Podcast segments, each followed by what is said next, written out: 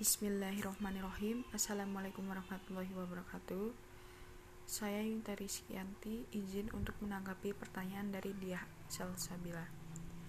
Adanya indikasi penyempitan ruang kebebasan tersebut secara langsung berdampak terhadap hak asasi manusia karena akan menjadi lebih berbahaya dan berdampak kepada hak asasi manusia lantaran merambah kepada jurnalis dan media massa di mana saluran informasi baik dari melalui media massa jadi terhambat karena penyempitan ruang kebebasan tersebut.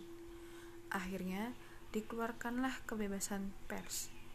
Kebebasan pers sendiri adalah hak yang diberikan oleh konstitusional atau perlindungan hukum yang berkaitan dengan media dan bahan-bahan yang dipublikasikan, seperti menyebarluaskan, pencetakan, dan menerbitkan surat kabar, majalah, buku, atau dalam material lainnya tanpa adanya campur tangan atau perlakuan sensor dari pemerintah.